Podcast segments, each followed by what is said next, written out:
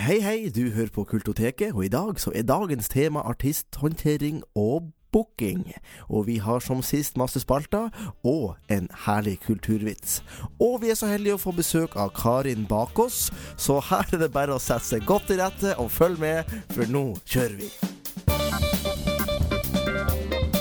Mine damer og herrer, ta godt imot Kultoteket med Steinar, Stian og Ragnhild. Hei, hei, mitt navn er Steinar, og velkommen til den tredje podkasten med Kultoteket. Dette er podkasten som gjelder tips, råd og trivelige fun facts om kulturbransjen. Og som sist gang så har jeg med meg to herlige andre her i studio. Stian, hallo! Hei sann. Og hei, Ragnhild. Hei! Hei! Så herlig å ha dere her. Det er vi tre som utgjør Kultoteket. Og, og, og jeg må jo få høre litt hva dere har gjort siden sist. Stian, du har jo vært i Ålesund på eh, et seminar. eh. På arrangørkonferansen Ja. 2015 i Ålesund, hvor eh, de hadde som tema i år var profilidentitet og booking. Fil, identitet og runking. Høres ut som et bra seminar. Nei da, jeg bare spøker. Men du, du, du har jo Du har jo hatt ei kjempefin helg, da. Ja visst visst, visst. Vi fikk være på konsert med Aurora. Norges nye stjerneskudd, om man kan si det sånn. Ja. Spilte på terminalen der i Ålesund. Og ellers så var det seminarer og litt Og høy, høy pilsfaktor. Høy pilsfaktor. Flott. Ragnhild, ja, nå har det jo gått 14 dager siden siste podkast. Hva har skjedd eh, i livet ditt siden sist? Ikke så mye spennende, egentlig. Eh, I motsetning til Stian, så har jeg egentlig bare vært i Oslo. Eh, men jeg har eh, blitt tante. Oi! Du, det, Ja. er ikke det, det er jo litt spesielt. da. Ja, det er ganske stort, egentlig. Du er kjempestas. Mhm. Så eh, det, nå har jeg blitt tante for første gang, så det er litt sånn spennende ny tid, da. Tante til gutt eller jente? Gutt. Liten og en liten gutt, ja. Blir det en eh, lytter av Kultoteket? Selvfølgelig, det håper jeg jo på. Vi skal jo prøve å eh, lobbye litt mot han. Så bra. Og, og når han da setter på radioen som 17-åring for første gang og hører på Kultoteket, hva er det du skal forklare til han da? Hva er egentlig Kultoteket? Da kommer jeg til å si noe sånn som at eh, Kultoteket det er en kulturell podkast og en veiviser som tar for seg ulike sider av arrangørvirksomheten Wow. i kulturbransjen. Smooth! Yes, yes, yes! Vi her i Kultoteket vi skal ta for oss et nytt tema hver podkast. Og som sagt så er dagens tema artisthåndtering og booking. Og hva er egentlig det, tenker kanskje du som lytter. Mhm. Hva er det? Det får du svar på seinere i denne podkasten. Følg på, så får du vite det. Men nå først, Stian, dagens kulturvits. Hvis du mister et trekkspill, en sekkepipe og en fiolin fra en femetasjes bygning, hvordan instrument lander først? Trekkspillet? Ja, det er jo tyngst. Det må jo Ja, være det må jo være det. Eller er det fiolinen? For den er litt spiss, og den vil kanskje ha litt mer retning når den går nedover. Ja. Sekkepipa, da. Hun, hun blir jo sikkert å lage et himla leven når hun finner unna får masse luft oppi den. da. Ja, og så skremme bort de andre instrumentene. hey. Så vi går for sekkepipe. Yes. Oh, ja. Nei, jeg vet heller ikke, jeg vet ikke svaret. For hvem bryr seg egentlig?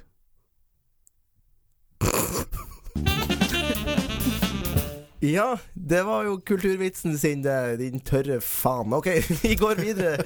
Dagens tema er jo artisthåndtering og booking, og det er jo et, eh, et interessant, eh, interessant tema. Absolutt. Uh, artisthåndtering og booking, Stian. Hva er egentlig det? Ja, hva er det?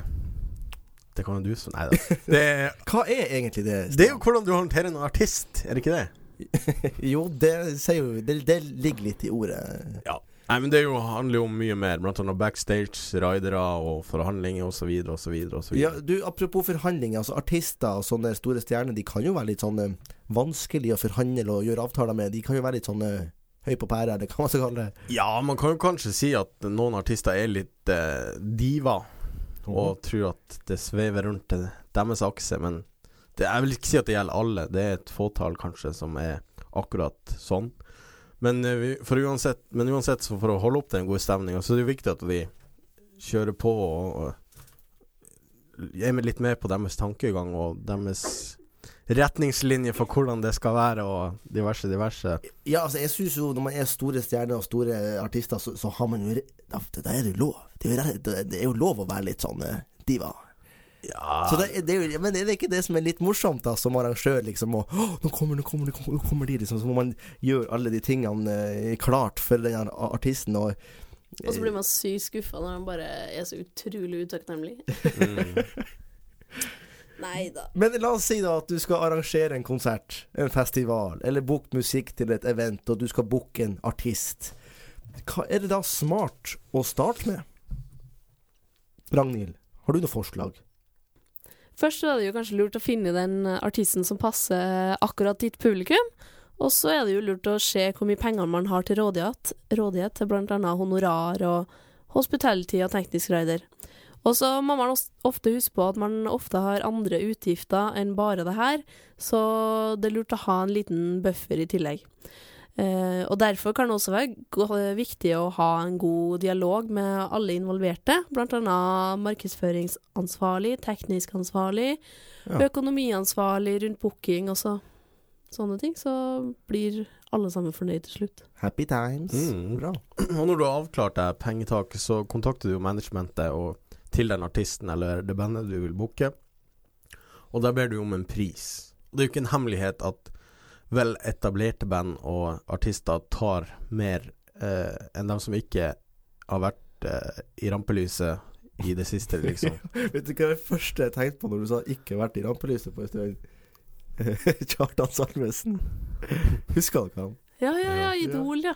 Ja, ja, ja. Ja. Det var litt den gata, kanskje. Kjartan eh, Jorunn Stiansen. Jorunn. Stiansen. Å, herlig. Savna jo litt det der. De er nok ikke så dyr, nei. Nei. I hvert fall ikke akkurat nå. De var kanskje når de var akkurat ferdig med Idol, men eh, Ja. sånn som står jeg nå, så Vi husker det jo i hvert fall, så en, en viss verdi ligger det jo i artistnavnene deres enda. ja, og hvis uh, dere ikke, våre kjære lyttere, ikke vet hvem det er, så er det jo lov å ta frem Google og søke på navnene deres. Kommer garantert opp noe. mm. Ja, ja. La oss bare hinte det Idol. Idol. Og, og det er jo kanskje når du skal booke disse artistene til ditt arrangement, så er jo kanskje det mest spennende er jo denne hospitality-rideren. Um, for her kan det være veldig mye rart. Veldig mye rart. Altså, kort så kan jeg forklare at en hospitality rider er en oversikt over krav som artisten eh, vil gjerne vil gjerne at spillestedet skal kunne stå for da, når de kommer på besøk. Den inneholder som regel mat, drikke og annen krimskrams som kan befinne seg på backstage.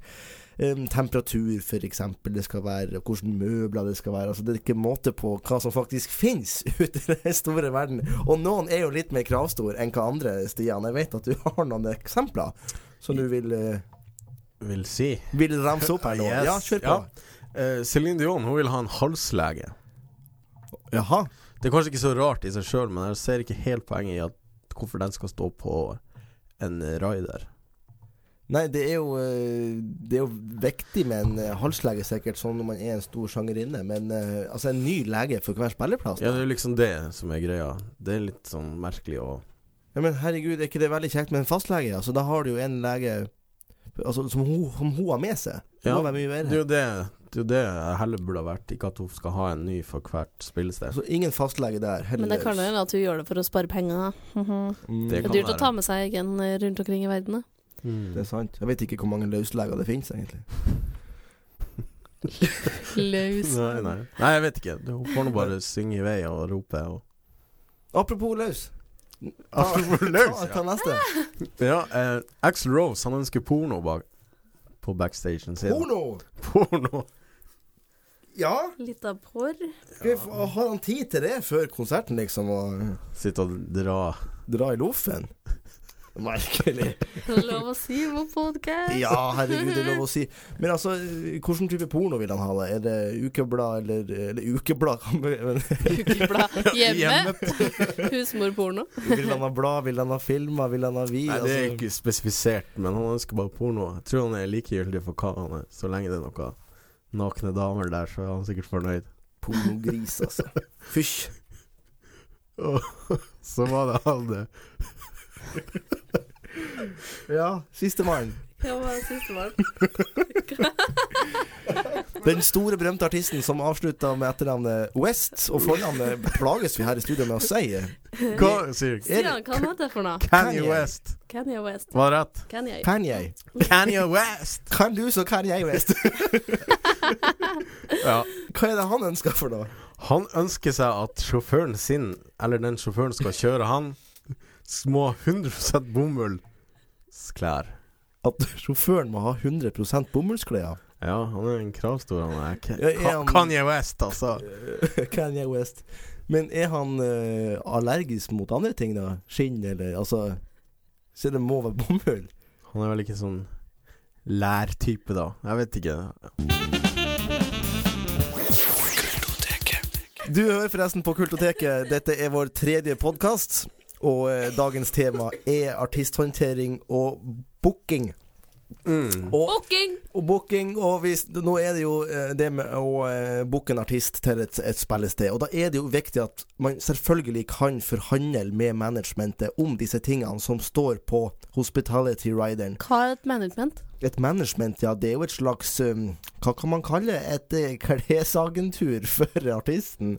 Som har enerådig-rett kanskje over en artist, og så tar du kontakt med de for å en, Det er en formidlingsportal for artistene, kanskje. Mm. Uh, og, og, um, og når du booker en artist da gjennom et management, så sender de gjerne en hospitality rider. Og det er det disse vi snakker om nå, og de kan du selvfølgelig forhandle om. Hvis det står at du, du skal skaffe to dansende enhjørninger, så er, det, så er det vanskelig å få tak i det, selvfølgelig. Mm. Og så noen av de her tingene De blir jo lagt inn for å sjekke at arrangør faktisk leser rideren. Og leser du den ikke, så forventes jo at det her skal være på plass. Inkludert de her to eh, dansende enhjørningene dine. Ja, det er jo en slags garanti for artisten at eh, alt på venue er på plass, selv om det betyr at du må sortere nonstop etter farge. I tillegg så finnes det jo også en teknisk rider, og den her er først og fremst for de eh, teknisk ansvarlige på venue du jobber på. Men det er veldig fint å lese gjennom den her for å se hva som må kjøpes, eventuelt leies, og om det er noe dere har fra før av. Så et lite tips her på slutten vil jo være å alltid Husk alltid å lese den her nøye igjennom. Og det kan være kjedelig å lese disse raiderne, det må vi jo avslutte, men det kan være litt røvrig, i hvert fall hvis det er mange artister eh, som skal spille på en festival, f.eks. Men det er én rider som vi vil gjerne trekke frem, det er nemlig Foo Fighters sin rider. Den legger vi link til på Facebook-sida vår, eh, Kultoteket. For Foo Fighters eh, de har jo laga en rider som gjør at det blir morsomt å lese raider. rider. Det er en aktivitetsbok, rett og slett. Aktivitetsbok der man kan fargelegge, krysse ut ord, sette ring rundt ting og, og, og skrape seg fram som et lotteri for å finne ut, Helt suverent. finne ut hva de uh, trenger Mm. på, um, på sin uh, backstage. Det er det er en uh, funky måte å få fram det budskapet på. Det er en rimelig funky måte, og det gjør at det går som en lek, og at vi elsker jo Foo Fighters enda mer etter det, altså. Og så I tillegg til de her raiderne, så har du jo kontrakten mellom deg som arrangør og management, eller kontaktperson. Ja, kontrakt er viktig, det må vi snakke om. Det er, det er veldig viktig. Ja. Og det er uavhengig av størrelse på artist, sted og hvorvidt det er penger i omløp. Så er det alltid lurt å ha en skriftlig omtale Ikke omtale, da, men avtale. Ja, en avtale består gjerne av uh, tre deler. I det tilfellet her så er jo det først og fremst selve hoveddelen av kontrakten, med opplysninger omkring honorar, spillested, datotid. Eh, eksempel skal du ha et supportband med, så bør det her også stå i kontrakten. Andre ting kan jo være f.eks. hvem som er ansvarlig for eh, promotering, markedsføring. Eh, I tillegg så kommer hospitality-rideren, hvor kost, losji og transport står. Eh, og nummer tre er den tekniske rideren, hvor alle praktiske behov kommer til syne. Eksempel backline, PA, lys, strøm og andre spesifikasjoner. Jepp. Og sørg for at dere overholder det dere lover, det er viktig. Men det som enda er mye viktigere, er at man kan forhandle om absolutt alt. Ok, nok snakk om det her. Hvis dere fikk litt blod på tann, så har vi eh, å anbefale at dere går inn på Facebook-sida vår, sosiale medier, der står det litt. Så eh, fikk dere skikkelig blod på tann, så gjør dere det, eller så oppsøker dere en tannlege. Dagens gjest jobber bl.a. i Live Nation. Med oss i studio i dag har vi fått Karin Karin Bakås. Velkommen. Takk, takk. Karin, eh, fortell litt om deg sjøl. Hvem er du? Ja, det er det vel alle lurer på, inkludert min ærede familie. Nei, jeg har jo aldri gjort noe såkalt normalt. Jeg har eh, I raske henseender fikk jeg lov å reise med Circus Arnaido i skoleferiene da jeg var tolv. Og etter det så lærte jo jeg veldig fort at det var mye mer morsomt å gå inn det hullet som var gratis, enn det hullet hvor det kosta penger. Fant jeg ut. Ja. Og så Jeg er jo egentlig trønder. Men pappa er jernbanemann, så jeg vokste opp oppå Dovrefjell, midt oppå fjellet. Ja, ja. Så det er derfor jeg blei veldig sosial, for i oppveksten så jeg mer moskus enn folk. Ja. så flytta da mamma og pappa hadde fått nok ansiennitet på jernbanen til å flytte til folk igjen, så flytta vi tilbake til Grong. Mm. Der er den blå brua. Ja, og da begynte jeg på handelsskolen i Namsos, privat handelsskole E. Jensen. Og der hadde jeg Terje Tysland i klassen. Oi. Og da hadde jo de allerede begynt med Prudence, men da het de Wuppichup. Chup. Ja.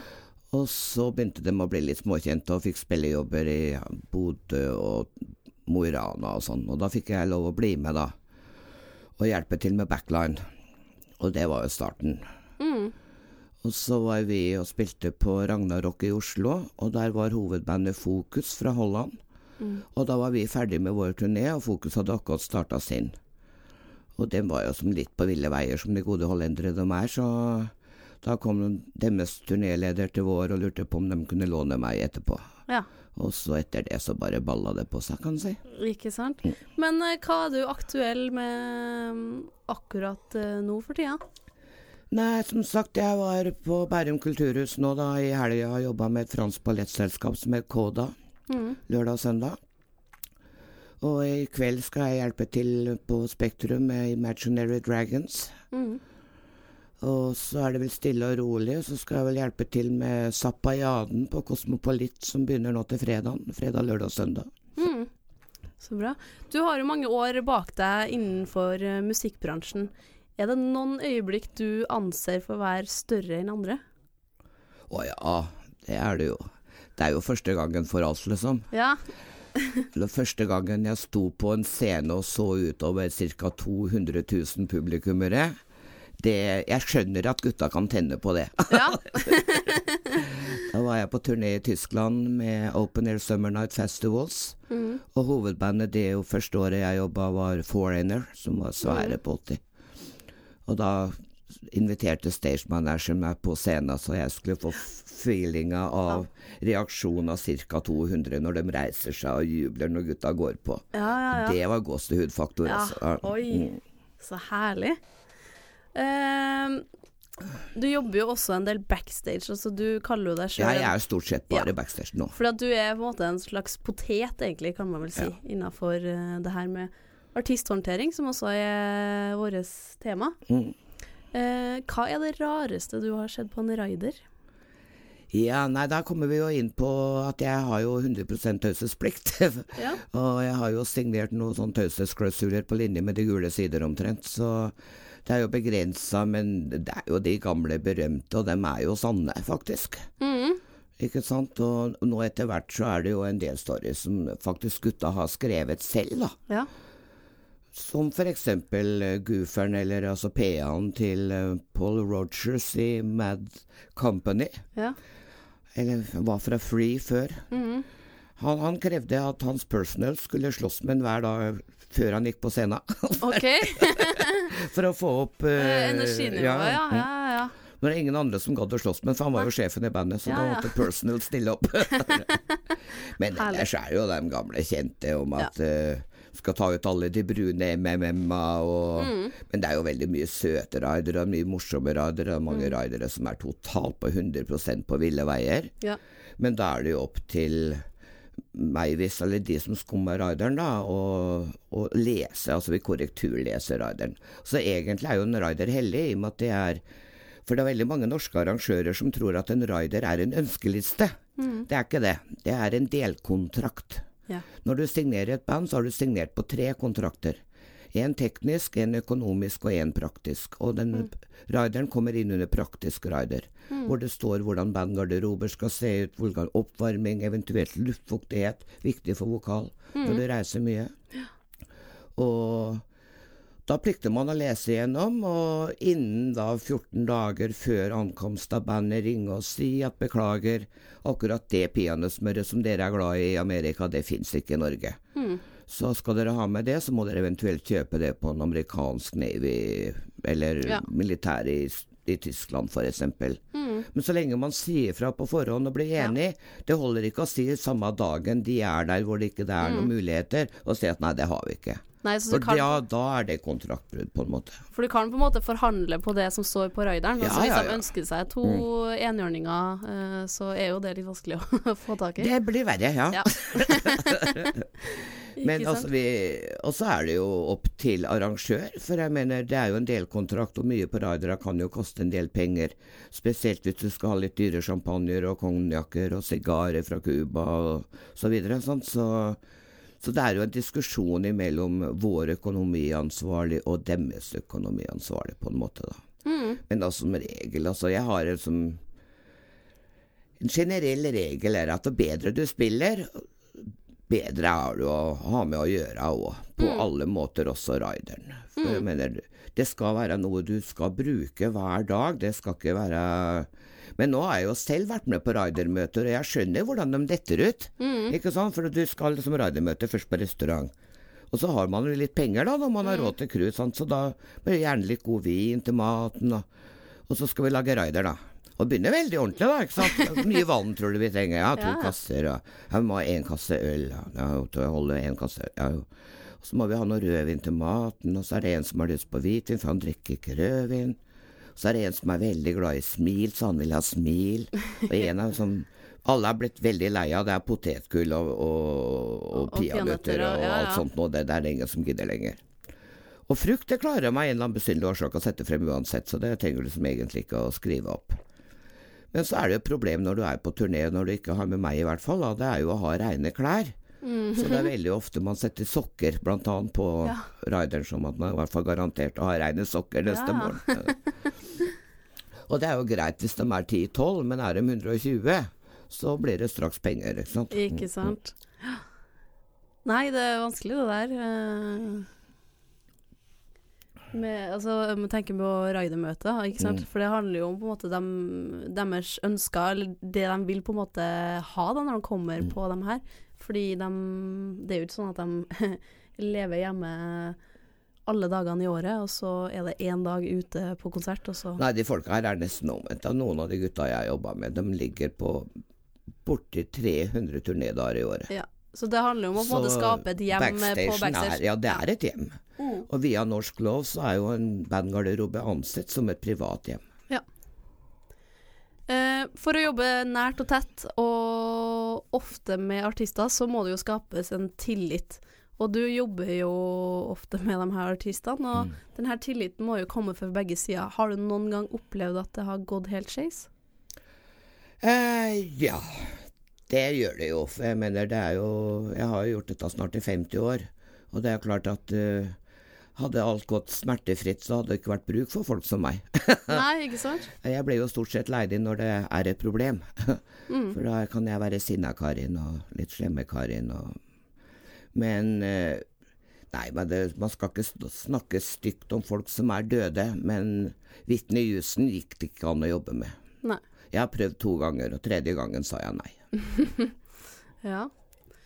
For, men Og det eh, er ikke bare meg som syns alle sånne damer som meg i hele Europa, vi var helt enige. Hun jobber vi ikke med mer ferdig. Men, Men- nå har jo det problemet slutta å Ja.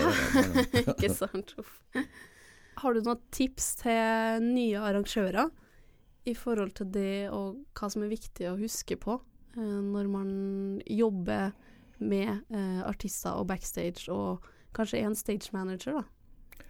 Ja, nei, det som er veldig viktig, det er å, å sette seg ned i bandgarderoben og late som man er bandet. Det lærer jeg spesielt nyansatte folk på festivaler, frivillige. Ikke sant? For man, man tenker ikke før man er i situasjonen selv. Så, så leker vi band. Setter vi oss i bandgarderoben så sier ok, nå skal vi da ha en kopp te, du skal ha en kopp kaffe, og så skal vi ta et par smørbrød. Og så skal vi ta et glass vann, og så skal du servere meg. Og da går det jo opp for vedkommende. Oi, vann har vi glemt. Eh, ja. Og den kaffen var nok ikke ferdig, nei. Og smørbrød, hvor blei det av dem? Og ikke har vi noen servietter, nei.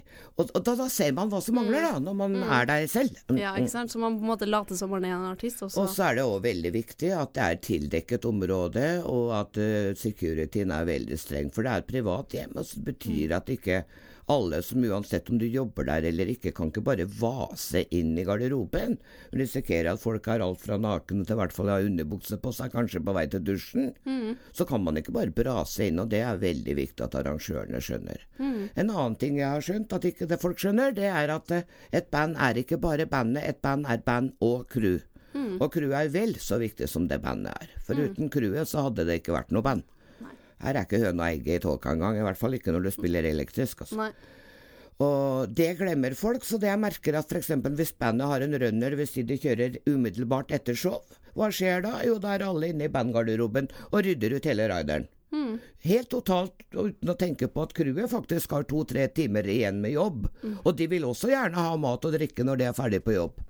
Å ja, men vi trodde bandet hadde dratt, vi. Ja, bandet har dratt, men crewet er her enda. Spørsmålstegn. Ja, ikke sant? Altså, vi er på samme turneen, de sover på samme bussen. Forskjellen er at crewet er oppe og hopper sju-åtte når bussen kommer frem, mens bandet kan sove til fire på ettermiddagen. Ikke sant? Ja, det er forskjellen. Altså, det er veldig mange av bandene som er oppe om dagen og gjør presse og sånn Ja, ja. nå, da, men uh, i snitt så jobber jo crewet mer enn bandet. Absolutt. Og det er litt viktig å tenke på. Hva vil du si er liksom det største bandet, og liksom den mest takknemlige jobben du har hatt? Oi, det er nesten umulig å si. Ja. Det må jo gå på personlig musikksmak. ja, og smak. Ja. Og jeg mener jo personlig at Pink Floyd er det største som noensinne har eksistert. Både på alt. Oppførsel av gutta, profesjonalitet av crewet, beste lyden i verden, beste lyset i verden. Altså, de folka der skulle begynne å gi grunnkurs på produksjon. Ja. De er seriøst best i hele verden, uten konkurranse i det hele tatt. Herlig. Eh, hvis du skulle arrangert en eh, drømmehappening, hva ville du ha arrangert da? Nei, jeg har jo nesten drømmehappening nå jeg er Ja. på fredag med alle gamle gutta til Frank Zappa. Jeg er jo veldig Zappa-fan, naturligvis, og Ja. hatt en stor ære å få lov å reise med Frank på et par Europa, og kjenner jo alle gutta godt. Mm. Og jeg gleder meg veldig til å møte igjen Ned Man og Shed Wackerman og Tom Fowler og Ray White og Mm. Danny Valley, og hele hverdagen kommer liksom, så det er for meg en drømmehappening som Milod på Kosmopolit skal ha all takk for å ha arrangert. Du har jo vært med og fronta et album til Senja-hopen. Mm. Kan du for fortelle litt om hvordan det her skjedde? Ja, det står jo faktisk på coveret hva som foregikk der. Men uh, greia var at de skulle ha Man hadde sett for seg den uh, danske lille havfrue. Og så hadde de leid inn en eller annen nakenmodell fra gud veit Polen, tror jeg. Sånn pen, veldig pen dame. Og satt der på den steinen der hvor jeg satt. Og, og han fotografen og han der eh, kunstnerisk leder, gud veit bare sånn der Nei, dette funker ikke. Skiva heter jo Blod, pess og tårer. Og da kan vi liksom ikke ha noe glamourmodell. Det ble- det ble jo helt gærent. Og så satte gutta ned seg ned og tenkte litt, og så ringte de meg fra studio. da. Så, Hei, Karin. Her er åpen linje, så du vet det. Ja, ja. Du, vi lurer på Tror du du kunne ha tenkt deg å sitte på en stein naken på LP-coveret vårt? Eller CD-coveret, sa de Ja. faktisk. Når vi skal, og det er jo venner av meg. Sant? De jobber jo også som crew, alle Ja. jeg Open. Så det er jo som feriebandet deres når de ikke jobber som crew på andre turneer. Så det er jo folk jeg stoler på 100 så jeg sa ja, naturligvis gjør jeg det. Så da var jeg av gårde på huk da i november. og ytterst på naken ø, pissekaldt, vet du. Mens jeg sa til gutta at ingen av det norske folk vil se meg helt naken, tro meg. Så jeg fikk trua gjennom å ha i underbukse, da. Ja. Og det var liksom greit. Ja. Ja. For at det syns jo så det er ingen som ser det med alt dette, så er det jo ingen som legger merke til det. liksom. Og vi holdt på en hel ettermiddag holdt på å fryse kattunge på meg. Og det gikk jo bra, vet du. Altså, Begrensa vakkert når det kom på CD, vet du. Men når det kom på vinyl, da ble det ikke riktig så fint lenger, syns jeg.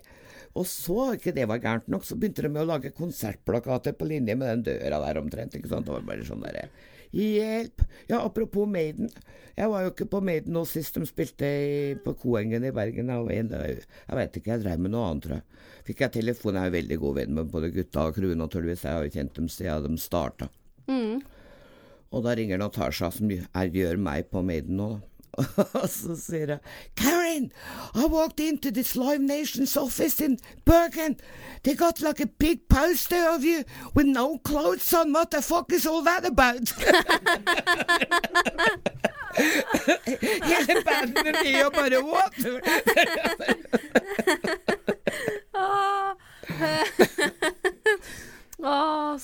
svelga sikkert kaffen. Ja, det, det er altså Maiden-historier har jeg veldig mange Ja. gode. Jeg har jo som sagt kjent gutta siden tidenes morgen med Paul Diano og Clive på trommer og ja. Ja, ja, ja.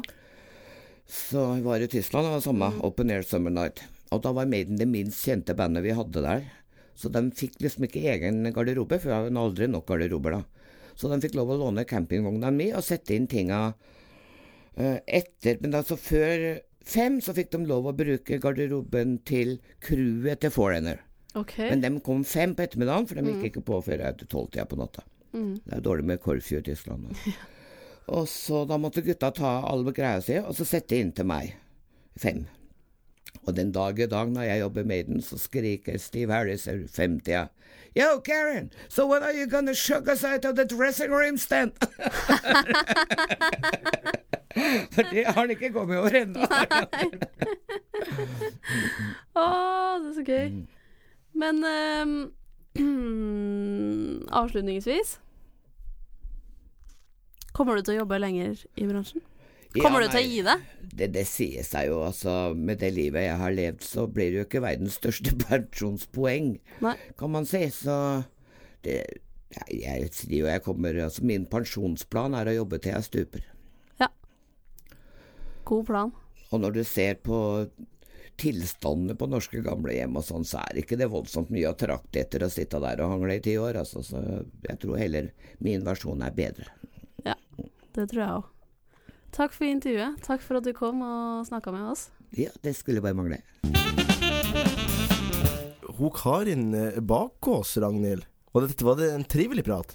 Det var veldig hyggelig. Hun hadde veldig mye, Mye på hjertet. spennende. Ja. Hun har vært borti eh, mye rart. Ja, hun vil jeg absolutt kalle en uh, ringrev. Ja, hun har vært på tur og og så mange scener. Hun har vært på, vært på Altså, det er jo helt utrolig. Snakk om å oppleve mye forskjellig. Mm. Og hun har sikkert opplevd den her tingen som um, befinner seg på hver ei scene rundt omkring i hele verden, vil jeg påstå. For nå skal vi videre til eh, en, et, et nyttig verktøy som befinner seg på de fleste scener rundt omkring i hele verden. Og det er nemlig ikke hammer eller sag eller drill, men Gaffa! Jepsi pepsi. det mest brukte verktøyet i kulturbransjen. Den er svarte, klebrige, trådete, kjempelange rullen med teip. Gaffateip er jo noe som brukes i bransjen til det meste. De kan brukes til å teipe opp, teipe ned og teipe rundt. Og teipe igjen sure saksofoner. Hvis du har en jack-kabel som begynner å gå i oppløsning, gaff den. Oppmerking på scenen kan gjerne gjøres med gaffa, eller å gaffe kabler sånn at du ikke snubler og går på snørra. Og man kan eh, gaffe sprukne trommestikker i et nødstilfelle. Det er altså ikke grenser for hva du kan teipe igjen med gaffa. Så dagens tips fra nyttige verktøy er Ha alltid en gaffarull i lomma. Ja, for du vet jo aldri når ei rockestjerne spjærer skinnbuksa si på scenen. Fikk dere med dere det der? Ja, men Lenny Kravitz Ja. på Grønna Lund i Sweden. Gitarsolo skulle ta en spagat, og så rakna faen meg hele skinnbuksa midt i skrettet. Og da kom, da kom det noe til syne. Ja, han Lille-Lenny ramla ut. Ja, det gjorde det. Så der skulle han ha hatt gaffa, vet du. Han skulle ha gaffa den på, på, på forhånd. På forhånd, i Men hva var det han gjorde, da? Um, Jeg husker jeg Han så, bytta vel bukse. jeg så videoen hans. Han, han, han kneip igjen lårene veldig fort, sånn at, Lisje, sånn at Lille-Lenny kom imellom og bak gitaren. og så hoppa han litt sånn sakte ut scenen og fikk ny skinnbukse på seg. Mm. Herlig. Men det er jo ikke alltid at man har eh, Ei en ny, skinnbukse. ny bukse til, eh, til rådighet, så det er jo lurt å ha teipen i nærheten. Ja, gaffateip er det jo på en scene uansett. Så, Det er det. eh, så du trenger jo ikke å ha med deg ekstra bukse eller noe sånt. Du må bare passe på at stellet ikke er i nærheten av teipen. Fordi den er veldig, nemlig veldig holdbar. Ja, det, det blir jo som en liten eh, litt sånn eh, bikini-wax, det, da. Men dere, eh, kjære, kjære, kjære folk, kjære lyttere. Nå har vi kommet til veis ende, og det her er tredje og, og siste podkasten før jul, da. Mm. Ser ikke ut som vi får tid til noe mer. Nå er det å handle julegaver, begynne å bake de her sju sortene og gjøre Sure sortene. hva var det du sa? eh, Sju sortene Sure sokkene. med julekake. Og begynne å lete etter juletre, og det er så mye som må gjøres. Det er kanskje litt tidlig, men disse utfordringene kommer, og vi har ikke tid til å lage flere podkaster, dere, så dette blir den siste før jul. Men uansett, sjekk oss ut på sosiale medier. Vi er over hele planken, og det blir vi utover. Og vi tusen hjertelig takker for oss. Og tusen takk til Karin Bakkås. Takk til teknikken i dag, og tusen takk for at uh, du hørte på oss.